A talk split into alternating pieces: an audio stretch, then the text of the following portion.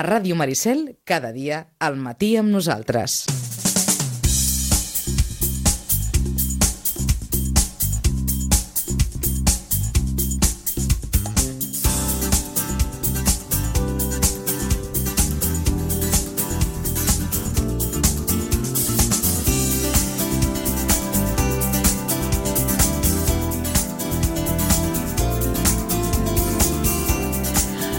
Doncs, en poc menys d'un minut arribarem a les 11 del matí, temps per fer un repàs a l'actualitat esportiva, temps de descompte a la sintonia de Ràdio Maricel fins les 12 fent crònica de tot allò que ha succeït aquest darrer cap de setmana, que no és poc, com acostumem a dir, a dir sempre.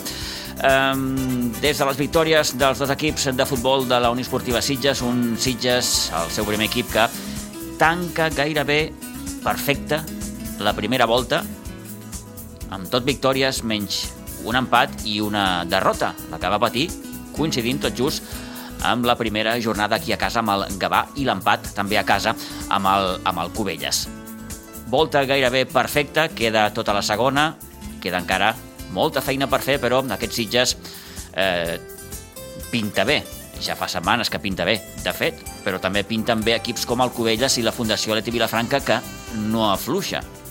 Cap dels dos aquesta última jornada, després en repassarem els resultats, han acabat golejant els seus respectius eh, rivals. També està molt bé el Sitges B, sobretot a casa, on ha guanyat els sis partits que ha disputat. L'últim, el que va aconseguir eh, amb el Capellades, victòria per la mínima 1 a 0, que eh, el col·loca, compartint això sí, aquesta segona posició amb l'Olivella a la classificació. Cert és que el Vilanova del Camí, en aquest grup 12 de tercera catalana, ha agafat una certa distància vers els mm, seus perseguidors. Més o menys la temporada està molt, molt similar, és molt similar al que va passar ja l'any passat amb la penya jove. La penya jove que es va distanciar ja va començar a marcar un fort ritme des del començament i va agafar molta distància respecte als seus eh, màxims eh, perseguidors. En futbol repassarem també tot el gruix de resultats dels equips de la Blanca Subur, amb especial atenció a la derrota que va patir el juvenilada preferent 3 a 5. Va perdre el conjunt de Rafa Porres amb el Cambrils Unió el passat dissabte amb el Nou Pinsbens. Eh, repassarem també el partit del bàsquet Sitges, la victòria que va aconseguir 79-55 aquí a casa Pinsbens davant l'esfèric de Terrassa. El club Patí Subur Sitges que, vaja, ha començat com ha acabat la primera volta, amb derrota, però en aquest cas una derrota no hi ha derrotes dolces, si volen, però una derrota més ajustada i amb millors sensacions, les que va tenir el divendres a la nit a la pista dels Reus Ploms. Eh, 3 a 2 va perdre el conjunt de Jofre Vilà, molta feina queda per fer, sobretot també en aquesta segona volta, i va tornar a perdre també el Rugby Club Sitges va tenir, diem-ho així, la victòria molt a prop perquè va anar guanyant 17 a 0, però el Sant Roque, el passat dissabte aquí al nou Santa Bàrbara, es va acabar enduent la victòria per 17 a 19. Tot això és el que els comentarem des d'ara i fins les 12.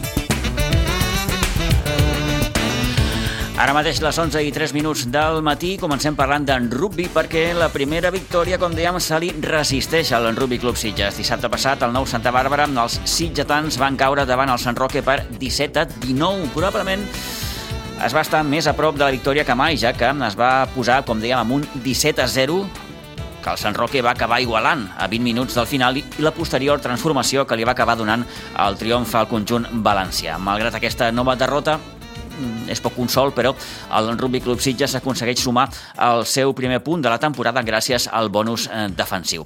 Saludem Pablo Furchi, ell és un jugador del Rugby Club Sitges. Pablo, buenos días. Buenos días. Eh, no hay ninguna derrota dulce, pero bueno, la del sábado, si se puede decir así, fue, no sé si decir, menos derrota. Bueno, se duele más, pero fue, fue más, menos acotada ahí. Uh -huh. eh, San, San Roque mmm, se acabó imponiendo por estos dos puntos eh, un partido que teníais bastante, bastante a vuestro favor. Sí, sí, estuvo bastante dominado casi todo el primer tiempo y gran parte del segundo tiempo. Pero bueno, eh, entre los cambios y, un poco el estado físico nos sobrepasaron. Es un poco la tónica de, de esta temporada, ¿no, Pablo? Mm, las lesiones, las ausencias, el equipo le está costando encontrar su sitio. Está costando bastante, bastante, bastante, pero bueno, por suerte, a ver, siempre de, todo lo malo se saca algo positivo. Eh, en los triunfos es fácil, el equipo se suma gente, eh, vienen de todos lados y, es mucho más fácil. En las derrotas, eh, ahí se ve realmente el grupo y por suerte de todo esto lo positivo, el grupo está súper consolidado, los chavales están tirando para adelante, que es lo que le costaba a este club, que, los chavales vengan desde abajo con fuerza y, eso es la parte positiva que, estamos sacando. Eh, todos los chicos que están consolidando el equipo, el Arnau Ojeda, el Miquel, el Chepa, Victorín, son gente que, que tiene bastante futuro en este, en este club. Mm. Eh, quizás entonces, Pablo, nos agarramos un poco a eso, ¿no? A que el equipo tiene recorrido, es un equipo joven un equipo con futuro. Pero claro, eh, cuando uno pierde tanto, también eso, eso cuesta de llevar. Sí, sí, totalmente. A ver, no, no es lindo tener derrota tras derrota, pero eh, de todo lo malo, como te vuelvo a repetir, hay que obtener lo positivo. Y lo positivo es esto, que, que los chavales no, no se caen de la cabeza. Y en otros tiempos esto no, no ocurría. Eh, nos caíamos de la cabeza y el grupo se empezaba a disolver, se iban, no venían a entrenar y ahora por suerte lo estamos manteniendo. Estamos manteniendo dos equipos y, eso es lo importante, por suerte. Pues es muy importante, eh, como explicas Pablo, porque si el grupo está unido y el grupo mm, persiste, seguro que ese primer triunfo eh, llegará. Son dos temporadas, la última y esta, que, que se, se, asemejan muchísimo. Sí, sí, en cierta parte, la temporada pasada no nos costó tanto, teníamos eh, chavales bastante buenos que lamentablemente eh, nos han quitado otros equipos porque se están profesionalizando y este año nos está costando un poco más. ¿Por qué? Porque nos falta esa esa base de, los otros chavales que se han ido. Por tanto, falta un poco más de, de calidad en este sentido, Pablo.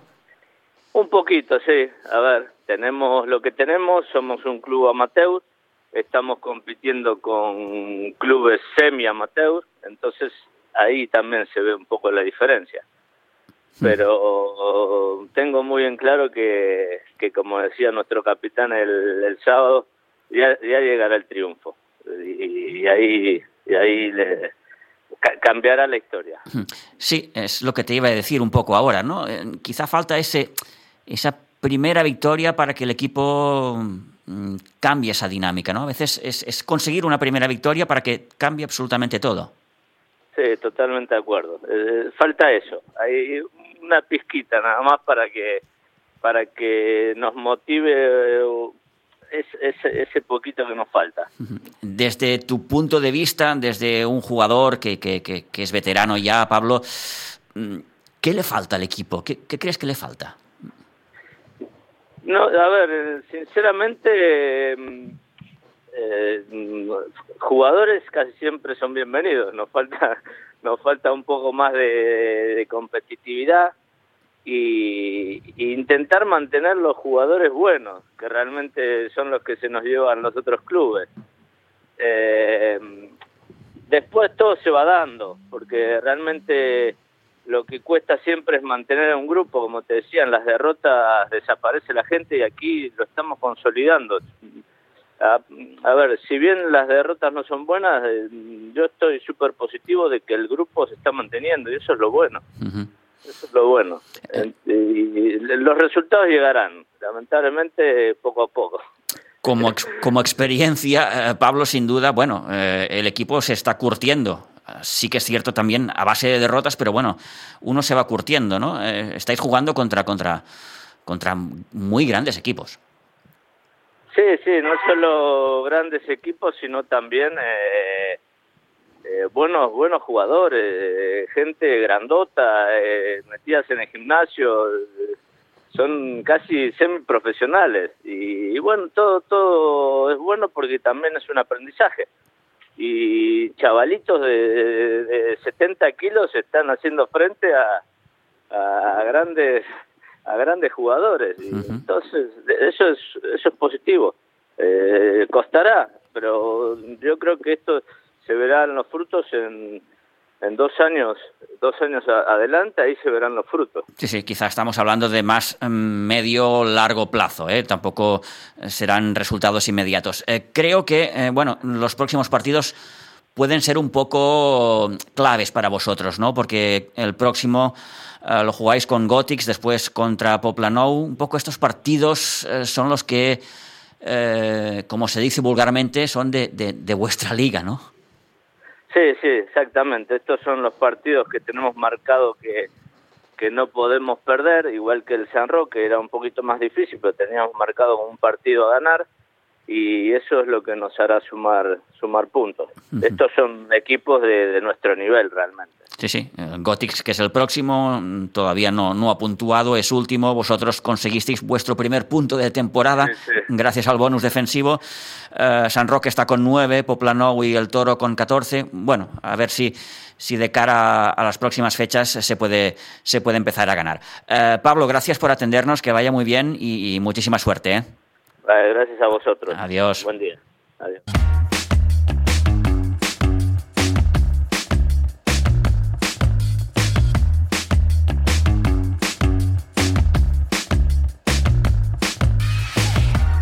Bé, doncs, Pablo Furchi, sens dubte, un dels veterans d'aquest Rugby Club Sitges que, com dèiem, jugarà amb el seu proper partit el cap de setmana del 10 i l'11 de desembre amb el camp del Gòtics a la Fuixarda. Per tant, aquest és partit important perquè el Gòtics, com dèiem, és QE, encara no, no, no, no ha guanyat cap partit, però tampoc ha puntuat. En el cas dels Sitges, com dèiem, gràcies a, al bonus defensiu, de l'altre dia amb Sant Roque ha aconseguit eh, el seu primer punt aquesta temporada. Sant Roque, el conjunt valencià, està amb 9 punts i conjunts com Poble Nou i el Toro en sumen 14. Són ara per ara els equips més propers al Rugby Club Sitges. Eh, Dir-los també eh, que el sènior B eh, debutarà amb la Lliga de Primera Catalana després de la seva eliminació, diguem així, de la Divisió d'Honor Catalana aquest proper dissabte. Jugarà contra el Castelldefels Rugby. Pel que fa a la resta de marcadors d'aquest cap de setmana, destaquem la victòria del Sub-18 a la Lliga de Segona Catalana va perdre... No, sí, victòria. Victòria, ho he dit, mal, ho he dit malament. Eh? victòria i va perdre, no. Va, va guanyar eh, 7 a 29 contra, contra l'Andorra. La derrota de l'equip Sub-16, 50 a 26 a Tarragona, i també va perdre amb el Sub-14, 53 a 0 amb la Sant Boiana.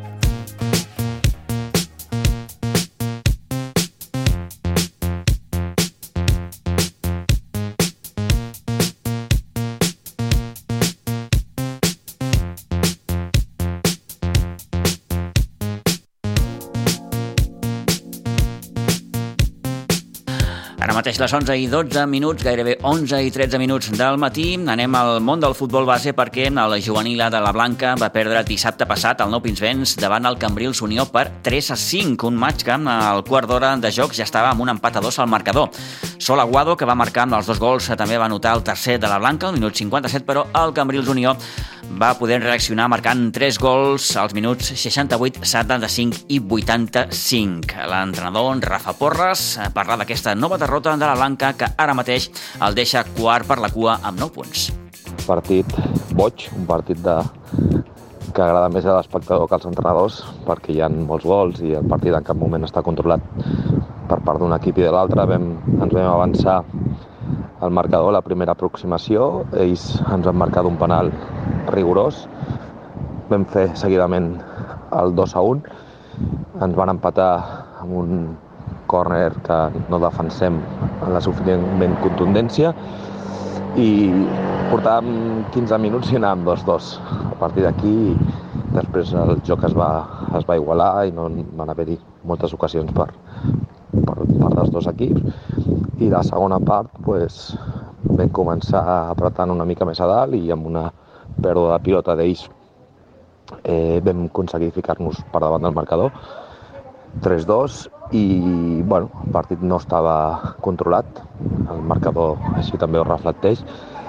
I en, una acció que també vam estar poc contundents a nivell defensiu, vam rebre a l'empat a falta de 15 minuts. I després un clar fora de joc que ve precedit al penal, si més no el penal sí que ho era, però fora de joc jo crec que era clamorós, doncs rebem el segon penal en contra i ens fiquem 3-4 per darrere del marcador i això ja pràcticament va sentenciar. Vam intentar buscar l'empat, però malauradament no va ser possible i a l'últim minut, un xut des del mig del camp, que el porter estava avançat, pues fan un autèntic golaç.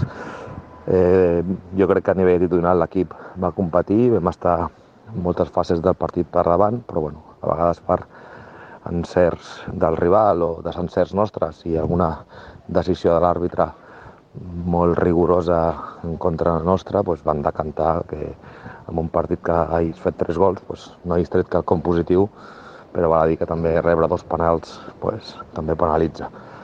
A partir d'aquí, res, ja intentar fer reset, pensar ja la següent setmana que juguem amb el Baix, que és un equip que està a la zona calenta com nosaltres i preparar la setmana, netejar la ment a nivell d'autoestima, de confiança i jugar aquests tres punts que seran molt importants.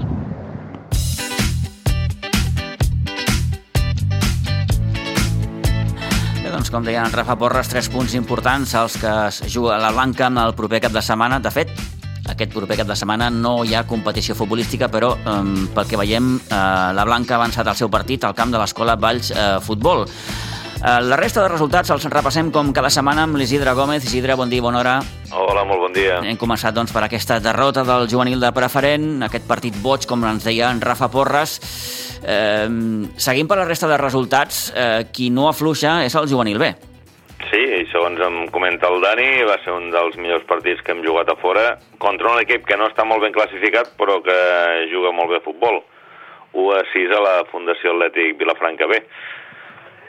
Seguirem amb el, la derrota del cadet A amb el derbi, el municipal d'Aiguadols, Sitges 1, Blanca 0. El cadet B es va imposar a Pinsbens 10 a 0 al base Vilanova 2015. L'infantil A va rascar un empat a Pinsbens contra la Canonja, un equip també que està frec a frec amb la Blanca.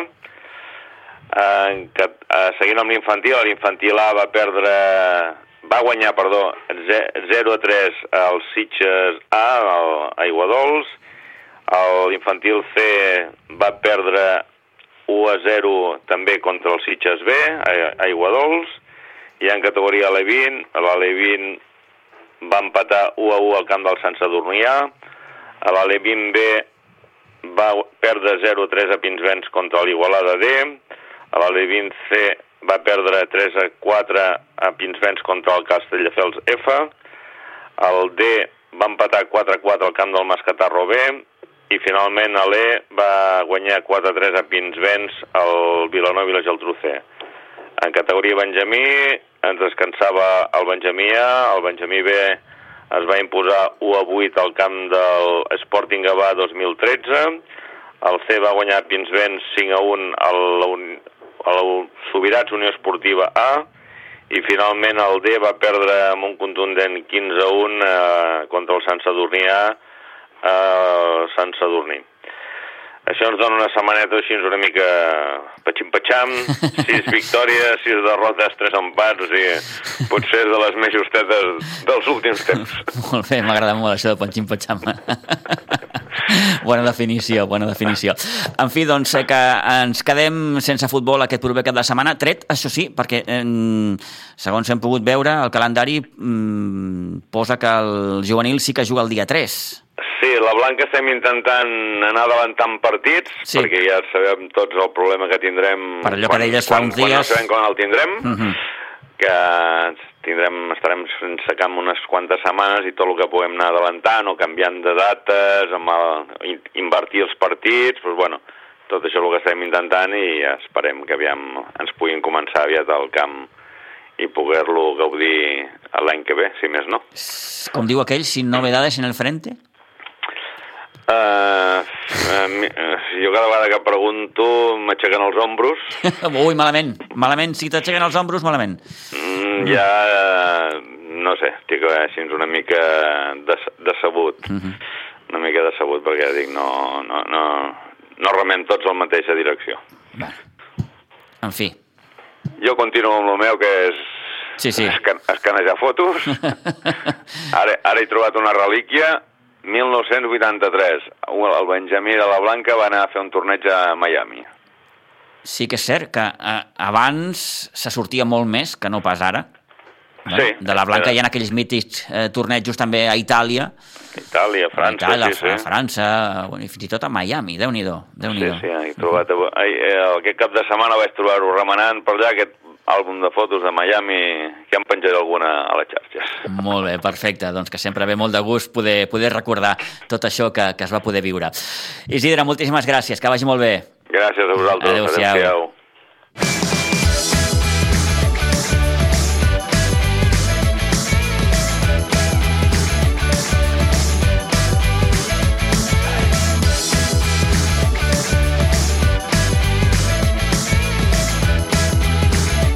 11 i 20 minuts del matí, coneguts ja amb els marcadors del futbol base dels equips de la Blanca. En repassem ara, i no ens movem del futbol, el subgrup 3B de segona catalana perquè ha conclòs la primera volta i hi ha una certificació bastant, bastant evident, que és que ni el Covelles afluixa, ni el Sitges afluixa, ni la Fundació Aleti Vilafranca afluixa. Aquests tres equips, ara per ara, són els que estan dominant la competició. Toni, bon dia. Bon dia, bon dia. Eh, això és així. No, no afluixen i a sobre, jo ara li comentava amb el Toni, equips com el Covelles i la Fundació estan pràcticament golejant cada, cada setmana. Sí, sí, sí, està molt fort, està molt fort a Can Contrari. 0 a 4 del Covelles a Vista Alegre, 1 a 5 de l'Aleti Vilafranca amb el Sant Feliu B.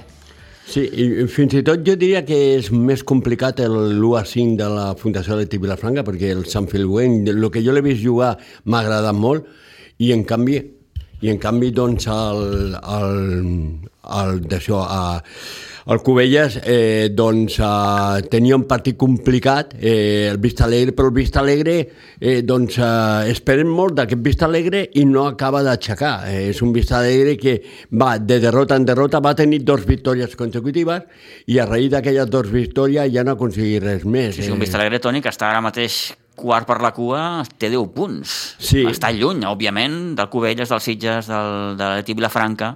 Sí, sí que sí. està a 3 punts, per exemple, del, del, del Gavà, que és quart.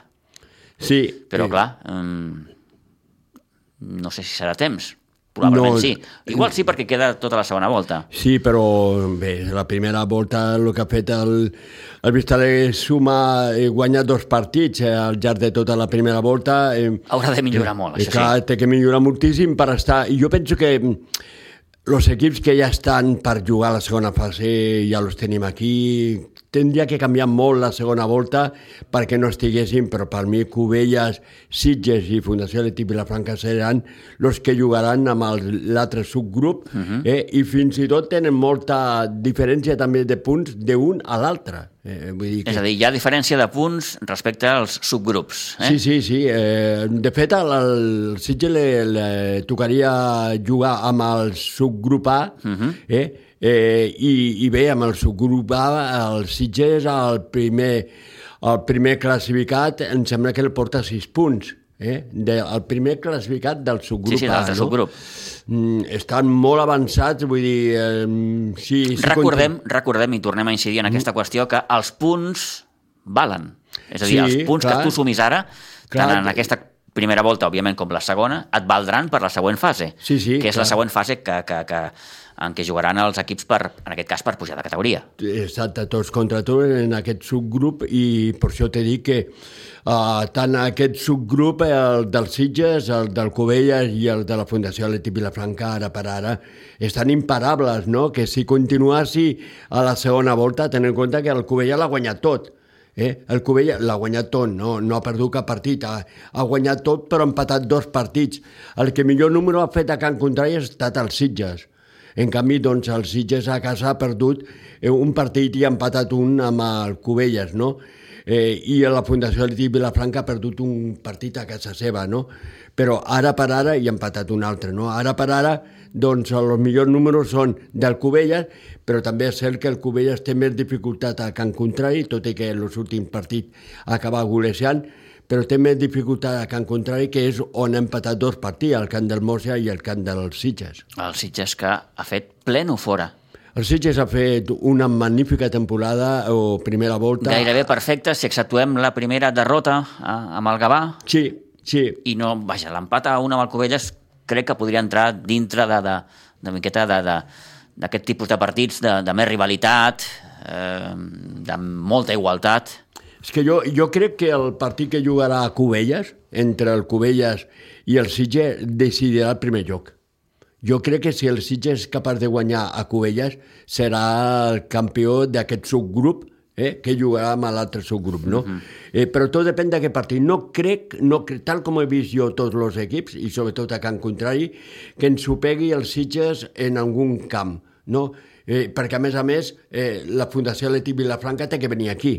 Eh, doncs eh, jo crec que entre Cubelles i Sitges se decidirà el primer joc entre aquests dos i ho faran en aquest partit que tenen que jugar entre ells. A Cubelles, en aquest cas. Ara parlem de la victòria dels Sitges 0 a 2 al camp de l'Espluguenca i al migdia, però de la jornada també destaquem l'empat a 1 entre la Penya Jove i el Moja i eh, el Gavà, que va tornar a perdre, en aquest cas a cara seva 1 a 2 amb el Sant Vicenç dels Horts. Eh, acabada aquesta primera volta, el Cubelles lidera la classificació amb 26 punts, seguit dels Sitges amb 25 i la Fundació Leti Vilafranca amb 24 a partir d'aquí hi ha un, un forat enorme, perquè el quart, que és el Gavà, té 13 punts. Per tant, està a 13 del Cubelles, a 12 del, del Sitges i a 11 del, del conjunt vilafranquí. Sí, sí, sí. I el Sitges, eh, tot i que, que doncs, em sembla que és el tercer eh, màxim realitzador del campionat, és l'equip que menys gol ha encaixat. De fet, ha encaixat 5 gols. 5 gols, sí, sí. En tot el que és la primera Dius bé, volta, Toni, eh? l'equip que més marca fins ara és la Fundació Leti Vilafranca, ha aconseguit 30 gols, el Cubelles 27 i el Sitges 22. Per tant, tercer màxim golejador. Però, en l'apartat de, de, de no encaixar, doncs eh, 5. Clar, 5 gols. Eh, ten, en Vers compte, els 9 que han encaixat el Cubelles i els 15 que han encaixat la Fundació. ten en compte que, que Això parla tres, molt, molt bé de la solidesa defensiva de l'equip. tres ve d'un partit sol, eh? El Vistalegre va Sí, encaixar tres gols. sí, senyor, sí, senyor. Eh, després, doncs, a Malcovella va encaixar un altre. I el dia del Gavà. Casa, I el dia del Gavà.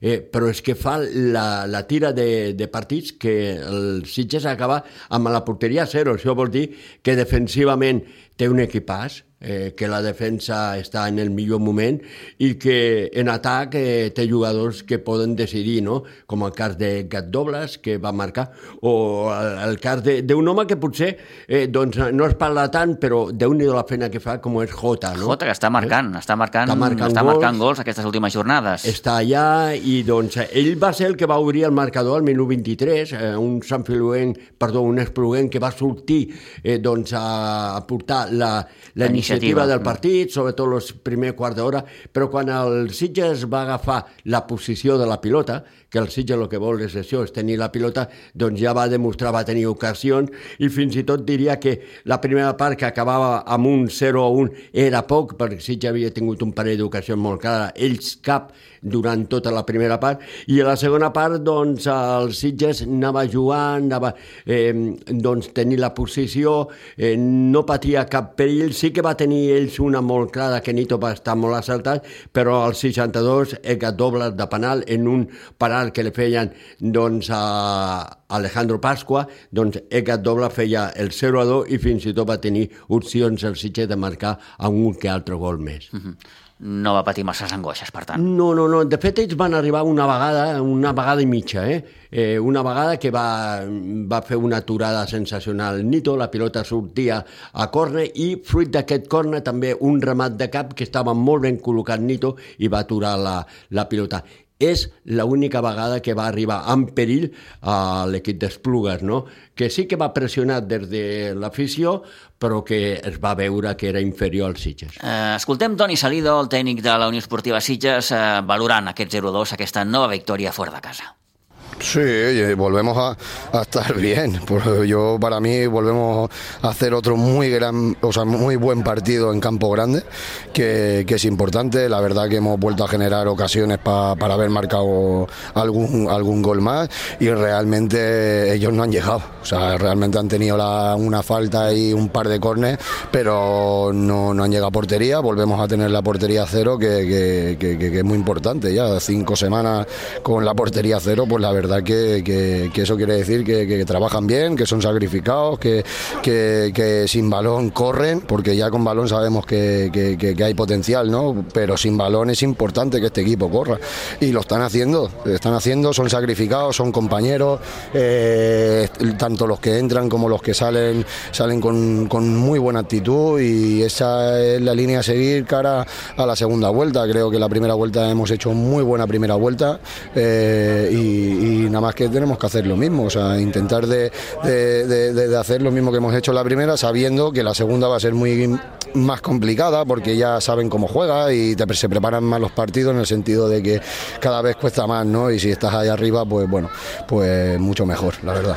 Defensivament ja, ja l'hem vist, vull el, un altre partit més que la porteria Cabacero, eh, molt bé, tapant molt bé els que ells han començat eh, fort, però el Sitge l'ha anat posant que, a, a aquest equip al seu lloc, ¿no? Sí, bueno, eh, han empezado fuertes porque también es verdad que nosotros esperábamos que iban a salir con de una manera y estaba preparado el partido para salir de, esa manera y bueno, y ellos han cambiado el sistema y, han habido 10 minutos donde bueno, no hemos tenido que, rectificar cosas a la hora de, apretar, hemos tenido que, sentarnos en el campo, las, dimensiones y, la verdad que bueno, a partir de los 10 minutos creo que, el Siches ha empezado a, a ser el Siches y la verdad que, que, hoy eh, creo que hemos hecho un gran partido a líneas generales, ¿no? tanto, tanto en defensa como en ataque, eh, tanto apretando como cerrando espacios, el equipo muy junto, sabiendo cuándo tenía que, salir y cuándo tenía que, que jugar en corto.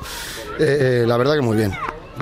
Eh, això s'acaba, acaba la primera volta, doncs els Sitges tan sol ha perdut un partit el dia del municipal, primer partit eh, curiosament amb el Gavà, i el Gavà serà el proper rival dels Sitges, un Gavà doncs, que no aixeca el cap.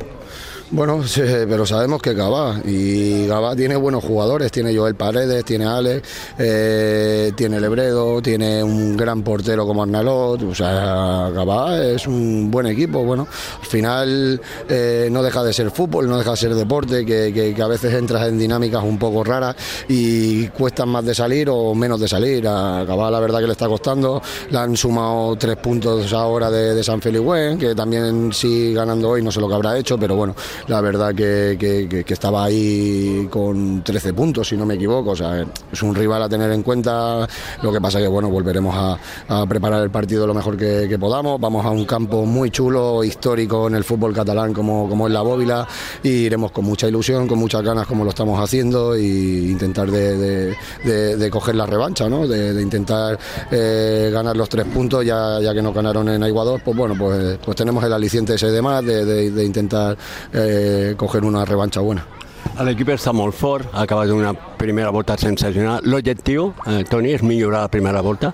Bueno, será difícil. Eh, si podemos mejorar, lo vamos a intentar para mejorar eh, la primera vuelta, pero va a ser complicado. Cuenta que hemos perdido un partido y hemos empatado otro y todo lo demás ganado. Y la verdad que eso es muy difícil de, superarlo, sabiendo de que, de que lo, vuelvo a repetir, ¿no? Los equipos en segunda vuelta están más preparados, eh, físicamente están mejor y bueno, siempre puede pasar que se vayan descolgando, pero el plan de competición como no te lo, no te lo permite eso, relajarte, tanto ni los de abajo ni los de arriba te lo permite porque tienes que sumar los máximos de puntos, sabiendo que la primera fase es muy importante cara al objetivo de cada club, entonces sabemos que la segunda vuelta va a ser muy difícil y sí, iremos a, a intentar mejorarla, sabiendo las dificultades que son, pero lo vamos a intentar.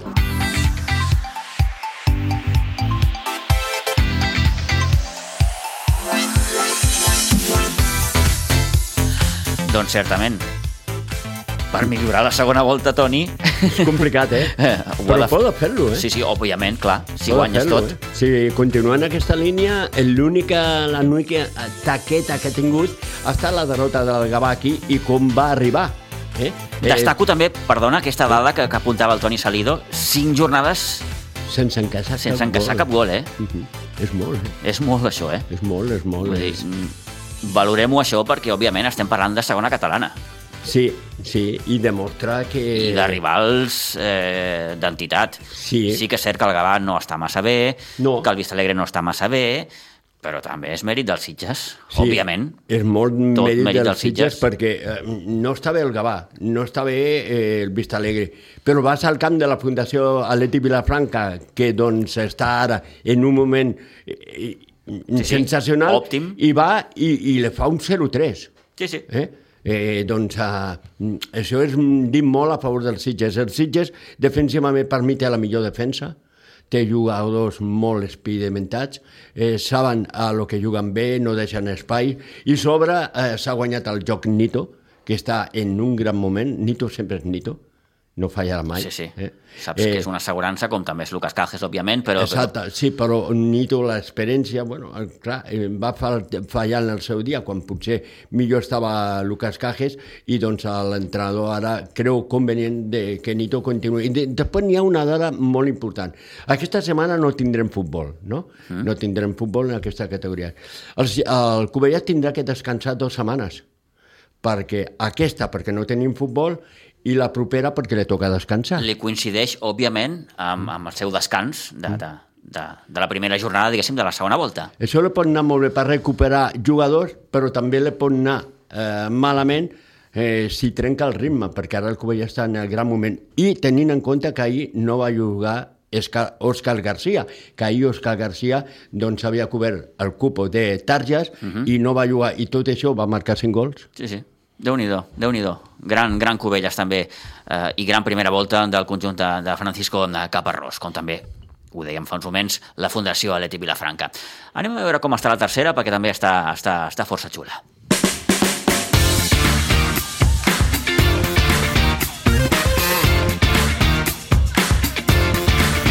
I fixin-se si està xula que amb el Sitges B eh, ara mateix eh, comparteix segona posició amb l'Olivella, Toni. Sí, sí. I certifica allò que fa setmanes diem, que diem, que és que a casa, mm, de moment, impecable. Sis partits, sis victòries. Sí, i a més a més, el proper partit que té que jugar el Sitges, que serà amb la Múnia, també no juga a casa, perquè doncs, aquesta setmana jugarà el Sitges B, ha adelantat el partit, però clar, i tot feia pensar que jugarien al camp de la Múnia i no, no, juguen al Municipal de Guadol, que això vol dir, si continua en aquesta línia, doncs que le- el Sitges té, assegurar, té que treballar-la, però té assegurar la victòria. Victòria 1 a 0 contra el Capellades. Sí. Ja sabíem que el Capellades donaria feina. Sí, a més, un partit eh, dur, no? Perquè, a més a més, el Capellà és un molt bon equip, s'ha jugat molt bé, no deixa espais, el Sitges va tenir les seves dificultats per a guanyar el partit, i al minut 76, doncs, Gerard Fernández, que està ara en un moment molt d'ors de gols, eh, de fet, de, porta gairebé un gol pel partit, marcava el gol que li donava la victòria al Sitges, jo penso que una victòria merescuda, molt important, davant d'un equip eh, que sabia realment com jugava el Sitges, com tapar-li els espais, i no va ser fàcil, però al final tres punts molt importants. Imaginem que el seu entrenador deu estar força content, o molt content. Àlex Villa, bon dia. Hola, bon dia. Què tal, Pitu? Eh, molt bé, escolta'm, content, mm, suposo, Àlex, eh, vaja, mm, heu fet ple de victòries de moment a casa. Sí, bueno, primer content per poder parlar amb tu i amb el Toni, que ja tenia ganes. S'agraeix. I, Sí. I després, sí, molt content per la victòria, perquè al final eh, en això del futbol ja saps que els resultats eh, marquen dinàmiques i, i marquen l'estat d'ànim i, i si acompanyen, pues, molt millor. Uh -huh. eh, no va ser fàcil l'altre dia, el Capellades és un dels equips que ara està més en forma, es va haver de treballar. Sí, sí, sí, va ser bastant difícil, a més, eh, estaven darrere nostra a taula, si ens guanyaven ens passaven, sabien que venien pues, amb una dinàmica positiva i és un, un, un rival, com, com vaig parlar amb el Toni, molt, molt dur, molt intens i que, i que té un entrenador que els, que els treballa molt bé i, i es planifica els partits. Llavors sabien com fer-nos mal i també com, com aturar-nos, però bueno, vam estar, vam estar molt bé, vam, estar, vam saber el que teníem que fer en cada moment i, i vam tindre el premi de, de la victòria, jo crec que merescuda. Si al principi de temporada et diuen a la onzena jornada estareu allà, segons... Què haguessis pensat? Bueno, hagués pensat que, que on tenia que firmar, això per començar. I, i després, bueno, jo sé, sé de bona mà del, del potencial d'aquesta plantilla. El que sí que és cert que al, al tenir uns jugadors tan joves eh, sol passar que, que els inicis de lliga són, són complicats perquè per la manca d'experiència eh, al final tenim cinc jugadors que són de primer any d'amater, vulguis o no, pues, eh, és un hàndicap. I, I ja et dic, estem en una dinàmica molt positiva, eh, tant, tant de joc com de, com de puntuació, i molt contents, a veure si, si tenim sort i, i podem aguantar aquesta dinàmica. Sí que queda un món, eh? eh però et faig la pregunta del milió, Àlex. Eh, aquest equip, eh, tu creus que, que, que podria fer coses importants aquesta temporada i quan parlo de coses importants, òbviament ja no parlo del primer lloc perquè està, està bastant lluny, però lluitar per una segona plaça creus que està bueno, a l'abast ara mateix l'equip? Sé que és d'hora, eh? Repeteixo, eh? Jo, jo crec que sí. Jo ja vaig dir a principi d'allí a camí al, al Vilanova del Camí em semblava l'equip a batir, però també et diré una cosa, el partit que vam jugar contra ells eh, va ser un partit prou igualat, que al final dos, tres detalls eh, decanten el partit cap a un costat, i a partir d'aquí, des de la meva humilde opinió, no hem trobat cap equip que sigui millor que nosaltres. Ens poden guanyar, podem perdre, perquè això és futbol, però no he trobat cap equip que... És que jo conec el potencial de, de, dels meus nanos i és molt gran. Tinc molta sort, bueno, tenim el Joe i jo molta sort. Els veig entrenar cada dia, veig les ganes que tenen, veig l'ambició que tenen i, i clar, al final això es contagia i, i, i fa que pues, puguis pensar com bé dius tu, de, de, de lluitar per aquesta segona plaça. Uh -huh. eh, a partir d'aquest anàlisi que fas, Àlex, et pregunto, què té de bo aquest Sitges B? Jo crec que, que té molta personalitat per l'edat que té. Mm. Perquè al final eh, jo sé que el que els demano no és gens fàcil. Eh, a mi m'agrada que els meus equips pues, siguin intensos en defensa, eh, siguin valents a saltar la pressió cap a dalt, i després en pilota els hi demano molt. Els hi demano que, que tinguin eh, tranquil·litat, que si perden pilotes que continuïn lluitant, i això és molt difícil perquè al final eh, si tu ets jugador i falles tres, tres jugades, eh, al final eh, el teu cap et juga una mala passada. I en canvi ells tenen personalitat suficient com per seguir intentant, seguir provant coses. Eh, si ells confien en tenir la pilota, jugar entre centrals, eh, jugar pel terra, pues, tot i que no surtin les coses, ho continuen fent. I això jo crec que és el, el més bo de l'equip. Això i la, i la competitivitat que tenen i que demostren cada dia. I què creus que li faltaria o que potser no té? Eh, bueno, jo crec que eh, ens falta bastanta experiència en, en... Sí que anem parant el partit quan, quan el marcador és favorable, eh, però eh, el tema de perdre pilotes i fer transicions defensives ens penalitza molt perquè no som durs, o sigui, no som durs no tenim aquesta picaresca d'aturar jugades, la típica falta que fas agafant la samarreta perquè el contrari no avanci, totes aquestes coses sí, sí. encara ens falten. Uh -huh. I, I a la pilota aturada també es nota. De fet, eh, el partit de dissabte crec que va ser el primer gol que fem de, de córner i en canvi a, a, en accions defensives patim molt i jo crec que això és, és manca d'experiència i, i veterania a la categoria, sobretot. Mm -hmm. Molt bé. Eh, tinc aquí el Toni, que també et vol saludar, Àlex. Sí, vaig, vaig parlar ahir amb tu, eh? eh però a veure, eh, jo crec eh, que aquest equip l'has fundat moltes virtuts, eh, perquè té molta virtut aquest equip, però potser també té un però, no? que juga massa al futbol en aquesta categoria i això li passa factura potser a Can Contrari, no? Sí, bé, la cosa és que nosaltres eh, plantegem els partits i de la mateixa manera, a casa que fora. Sí. Sí que és veritat que podíem fora de casa plantejar altres maneres de jugar el partit, però al final nosaltres creiem en una idea, eh, els hem inculcat una idea que és la que creiem, amb, la que, amb les seves eh, virtuts i la manera que tenim el cos tècnic de al futbol, que és la manera que més mal podem fer al, al rival, ells l'han entès a la perfecció i la, i la duen a terme eh, a la perfecció. Jo si veiés que no estan capacitats, sempre els he dit, si no poguéssiu, jo seria el primer que us diria, mira, agafa la pilota, llença-la dalt i ja guanyarem una segona jugada. Però sí que ho saben fer.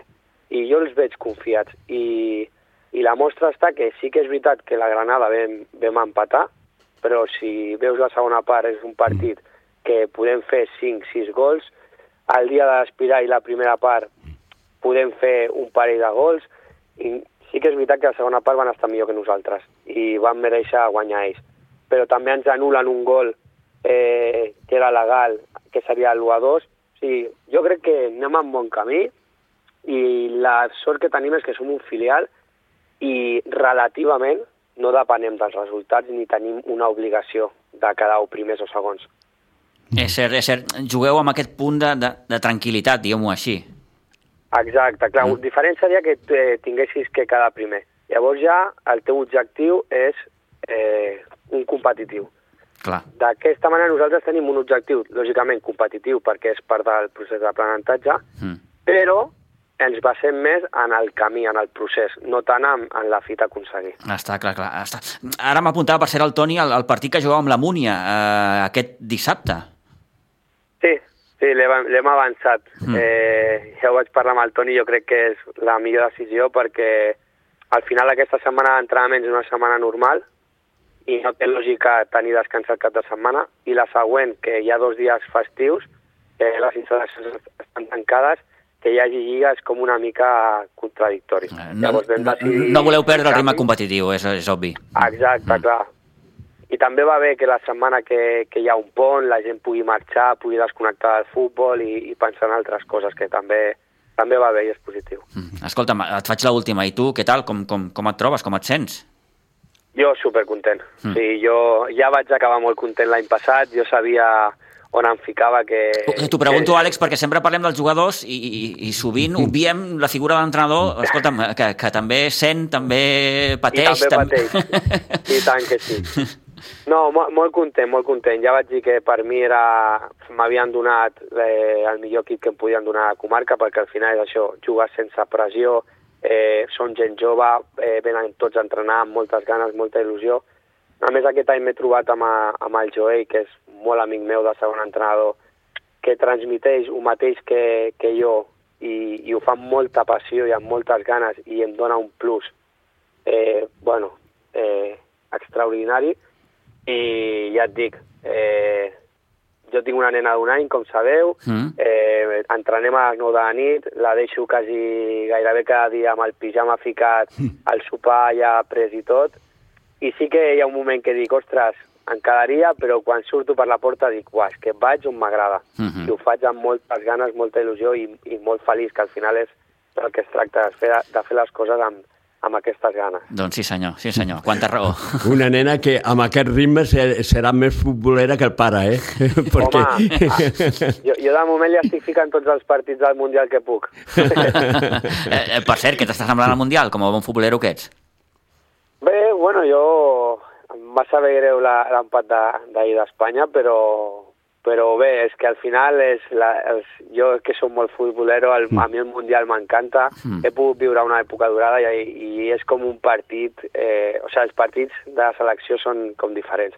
A més, jo tinc el hàndicap que sóc periquito i no, no, puc, no, puc, no puc celebrar molts títols i llavors, eh, ostres, ara m'agrada tenir el Pedri, el Gavi i aquests al, al meu equip. Gaudeixo molt. Molt bé, molt bé. Uh, Àlex, gràcies per haver atès la nostra trucada, que vagi molt bé i vinga, seguir gaudint. A vosaltres, Pitu, sempre un plaer, vale? Gràcies, igualment, Xato. Adéu. Adéu. Adéu. Adéu.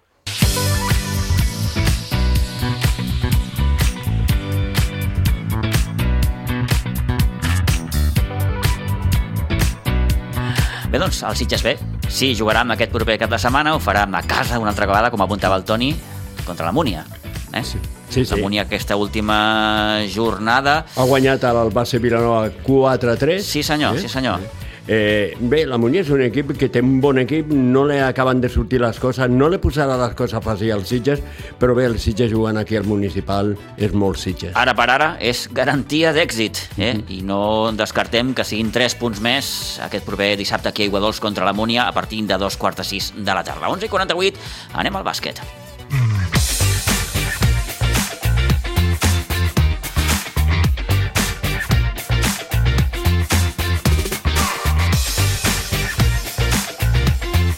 Vinga, anem al bàsquet, com dèiem, perquè el bàsquet de Sitges es va imposar amb dissabte a Pinsbens a l'esfèric de Terrassa per 79 a 55. Bona reacció, per tant, dels sitgetans després de la derrota amb l'Esparreguera que al descans ja guanyaven per 12 punts de marge, 40 amb de 28. Un cop més, minuts per als més joves. Aquest és un baby Sitges amb totes les de la llei, pràcticament, perquè cal destacar la presència en el darrer minut de partit eh, del eh, jove de només 15 anys, Leo Cabezas, eh, que va fins i tot anotar un triple en aquest minut que va tenir eh, de joc. I minuts també per Marc Rubí, va tenir uns 10 minuts, bàsicament per donar també minuts de descans a, a Bustos en la direcció del, del joc. Edu Piñero eh, valorava en acabar amb aquesta victòria davant el conjunt agarenc. Sí, ¿no? hemos, hemos estado bien en defensa, Yo creo que el equipo ha salido concentrado. Ya se habló el martes de los errores que, cometimos contra el Esparraguera, de que no se volvieran a, repetir, falta de intensidad en defensa, cosas que, bueno, aún así, por ahí ya te comenté el, primer cuarto ahí contra el Esparraguera, metimos 19 puntos, pero claro, te meten 23 y luego en el segundo cuarto 43. Hoy por lo menos hay que decir que el equipo pues ha estado bien en defensa y todo ha habido sus ciertos momentos de dudas, quieras o no el perder el partido, pero bueno, luego creo que el equipo pues eh, ha seguido co convencido de entrar en el trabajo que estamos en defensa, varios, varios eh, jugadas de ellos han terminado con finalización de posesión, bueno, pues ahí se demuestra, ¿no? Mm -hmm. eh, potser al tercer quart hi ha hagut un moment que sí que ells s'han acostat una miqueta. A, a 8 me parece, sí, ¿no? Se han puesto sí. 8 y hemos pedido tiempo muerto, bueno, hemos defendido a los jugadores que en esos momentos y tal y hemos vuelto otra vez al partido. Bueno, esto, ese es el problema. Aquí, todo, aquí cualquiera nos la puede meter, o sea que no, por eso yo digo que siempre el trabajo en defensa, ¿no? Yo no, yo no estoy preocupado por el ataque, yo sé lo que tengo en ataque, lo que me pueden dar y lo que podemos hacer, y, pero el trabajo en defensa es, es, es sagrado para mí y el rebote, claro. Per tant, l'equip ha sabut reaccionar respecte a l'altre dia. Exacto, o sea, cosa que a lo mejor en esos momentos al perder el partido a lo mejor el equipo hubiese entrado en Barrena, en Barrena y ostras que tal, y, eh, dudas ahí que ahora no sé qué, a lo mejor se te pueden coger el brazo, pero bueno, hemos, hemos mantenido el tipo ahí en defensa y luego en ataque, pues bueno, hemos estado bien, hemos movido bien. El, hoy, hoy, ha habido jugadas de estas de mover el balón, que a mí me gustan y, y bueno, bien, contento. Uh -huh. Un partido más. Uh, aquest és un baby Sitges. Cada vegada son más joves. Está, estaba diciendo Nil que era el mayor de todos y tiene 20, y 21 sí, años, sí, o sea, bueno, Avui, per ejemplo, ha debutat el Leo, un nano que té 15 anys. 15 años. Fins i tot sí, sí. ha fet una cistella. Sí, sí, ha hecho un triple, me parece, sí, ¿no? si no me equivoco. Bueno, está entrenando con nosotros, él está haciendo una buena temporada con, con su equipo, con el Junior A, y bueno, y, y, y está en dinámica del, del senior. O sea, es lo que tiene que subir. Hay que decir que también nosotros tenemos un equipo bastante joven, sí, o sea, sí, sí, que, que, no es que pensemos y tal, pero bueno, nos está ayudando la falta de no tener bases en estos momentos, los tres bases los tengo pues, bueno, fuera, entonces pues bueno, pues tendremos que, que intentar, pues bueno, ellos están entrenando, están en, en, haciendo dinámica de entrenamientos con el senior, físico y todo, y bueno, pues cuando estén llegará su oportunidad y la tienen que aprovechar, que es lo que, lo que pasa. Mm -hmm. Deixa'm preguntar-te per un jugador, perquè crec que exemplifica molt una miqueta el que és el coratge, el, el, el la lluita, el Nil, es, es un jugador impagable. Es, lo conozco de varios años y, y sabes que en ese sentido eso, eso, eso es lo que nos tiene que ver, ver, su, ver su trabajo que hace, como son los intangibles, ¿no? la defensa, el rebote, el que siempre está allá, intenso, el, el que siempre está ahí en los rebotes ofensivos, eso, eso es lo que nos tiene que hacer al equipo que confiar y tener un jugador de estos, pues a ver si eh, nos, nos ayuda a, a ser como ellos un poquito más. Ja sé que això s'entrena, però es té o no té, no, també, en certa manera? Él lo tiene. Sí, per això. A ver, yo lo intento entrenar. en algunos les costará más o menos, él no, él lo tiene de... Aquest esperit, aquest... O sea, es lo que te da, lo que te da Neil en, en, en, estos sentidos.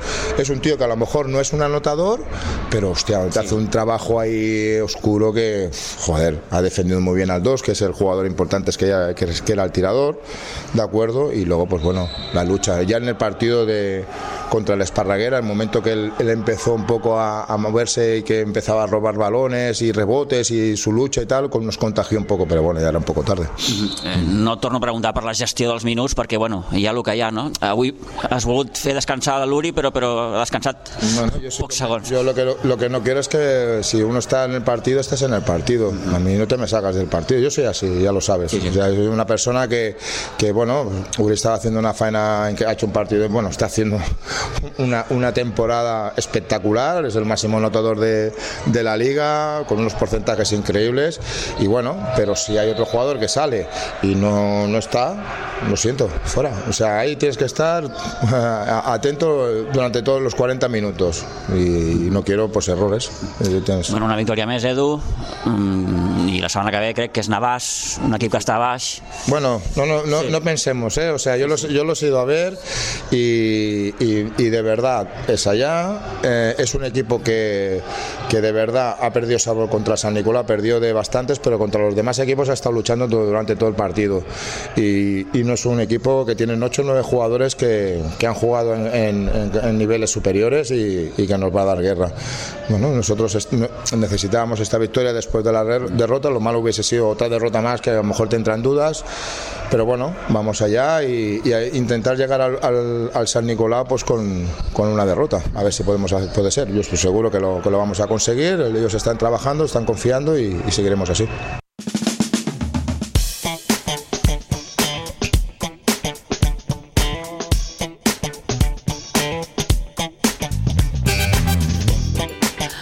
Doncs aquesta era la valoració que feia Edu Pinheiro després d'aquesta victòria, en repeteixo, 79-55 contra Esfèric el passat dissabte a Pinsbens. Poca cosa més a afegir, més enllà de l'apartat anotador. 25 punts va anotar Oriol Camproví, que, com assenyalava l'Edu, està en un moment extraordinari. Gran partit de l'Uri, gran partit també de l'Àngel, anotant 16 punts, els 13 també que va anotar Ivan Ramírez, la presència de, dels, dels joves que a poc a poc van tenint la seva quota de protagonisme sí que és cert també, una miqueta obligats per les circumstàncies, perquè eh, Jan Carrion encara està lesionat, Mauro encara està lesionat, eh, l'Adrià Villar encara també amb problemes físics, eh, Nacho Velasco no hi és, en fi, que, que, que, que els joves també estan ajudant i molt eh, al primer equip aquesta, aquesta temporada. Ara mateix el bàsquet de Sitges que té sis victòries i una derrota i com dèiem aquest proper dissabte jugarà a la pista del Navàs B, que en aquesta última jornada va perdre 92-81 a la pista del Casal de Vilafranca. També destaquem destaquem, com no, la victòria del sènior femení que va guanyar 39 a 61 al Castellví de la Marca, partit que es va jugar al pavelló de Santa Margarida i els Monjos. Això pel que fa amb el bàsquet. Pel que fa amb l'hoquei, el Club Patí Subursitges ha començat la segona volta amb una nova derrota, tot i que aquest cop mm, això de les derrotes dolces tampoc mm, s'ha de fer massa cas, eh? perquè eh, la derrota va ser força ajustada. Eh, els de Jofre Vilà van caure divendres passat a la nit a la pista del líder, el Reus Ploms, per 3 a 2. Millors sensacions? Probablement sí, però derrota al cap i a la fi eh, que el segueix deixant a la cua de la classificació amb només 3 punts. Aquest proper dissabte rebrà la visita del Riudoms a Pinsbens, un Riudoms que vindrà com a segon a la classificació i que en aquesta última jornada es va imposar per 2 a 1 al Calafell. Per tant, en dues jornades s'haurà enfrontat el líder i el segon classificat. Per tant, el calendari en aquest sentit fa una mica de, de, de pujada. Eh, de la resta de marcadors dels equips del Club Patí Subursitges, destaquem l'empat a dos que va assolir l'equip infantil a la pista del Vilanova, la derrota de l'Aleví A, que va caure 2 a 8 aquí amb el Manlleu, l'Aleví B també va perdre el seu partit mm, de casa, 2 a 10 amb el Monjos, el Benjamí A de fet, no ha estat un cap de setmana massa, massa positiu per als equips de formació. El Benjamí A, com dèiem, va perdre 0 a 10 amb el Sant Cugat. El Benjamí B va caure també a Pinsbens 1 a 5 amb el Club Patí Vilafranca i els més petits, els prebenjamins, que van caure per 0 a 4 amb el eh, Capellades. Això pel que fa al món de, de l'hoquei patins. Pel que fa al món del futbol sala, el primer equip del Club Futbol Sala Sitges ha quedat eliminat de la Copa Catalunya en perdre ahir 2 a 4 4 davant el Santo Ángel Baix Sud de Castelldefels. S'estan disputant aquests dies, aquestes setmanes, les rondes eliminatòries d'aquesta Copa Catalunya com dèiem, el primer equip del Club Futbol Sala Sitges ha caigut, per tant, eliminat d'aquesta competició. Dissabte, però, i en partit de Lliga, els sitgetans es van imposar per 7 a 3 al Gelida Industrial i ara mateix ocupa el vuitè lloc de la classificació de la Lliga de Segona Divisió Catalana amb 9 punts. Per la seva banda, l'equip femení va sumar la seva primera victòria en imposar-se 1 a 2 a l'escola d'Aina Isart, mentre que l'infantil també tenia partit de Copa Catalunya, d'aquesta ronda eliminatòria, va caure eliminat a les primeres de canvi d'aquesta competició, amb perdre de forma clara en 0 a 7 amb el Santo Ángel Baix Sud de Gavà. I amb aquests eh, marcadors del món del futbol sala posem ja punt final a aquest temps de descompte a la crònica esportiva del cap de setmana a la sintonia de Ràdio Maricel, com sempre en companyia d'Antoni Muñoz. Toni, moltíssimes gràcies. Molt bé, Pitu. Que vagi molt bé, bona setmana i a vostès doncs gràcies de nou per fer-nos eh, costat, per fer-nos confiança. Tornem, com sempre també, demà a partir de les 9. Adéu-siau.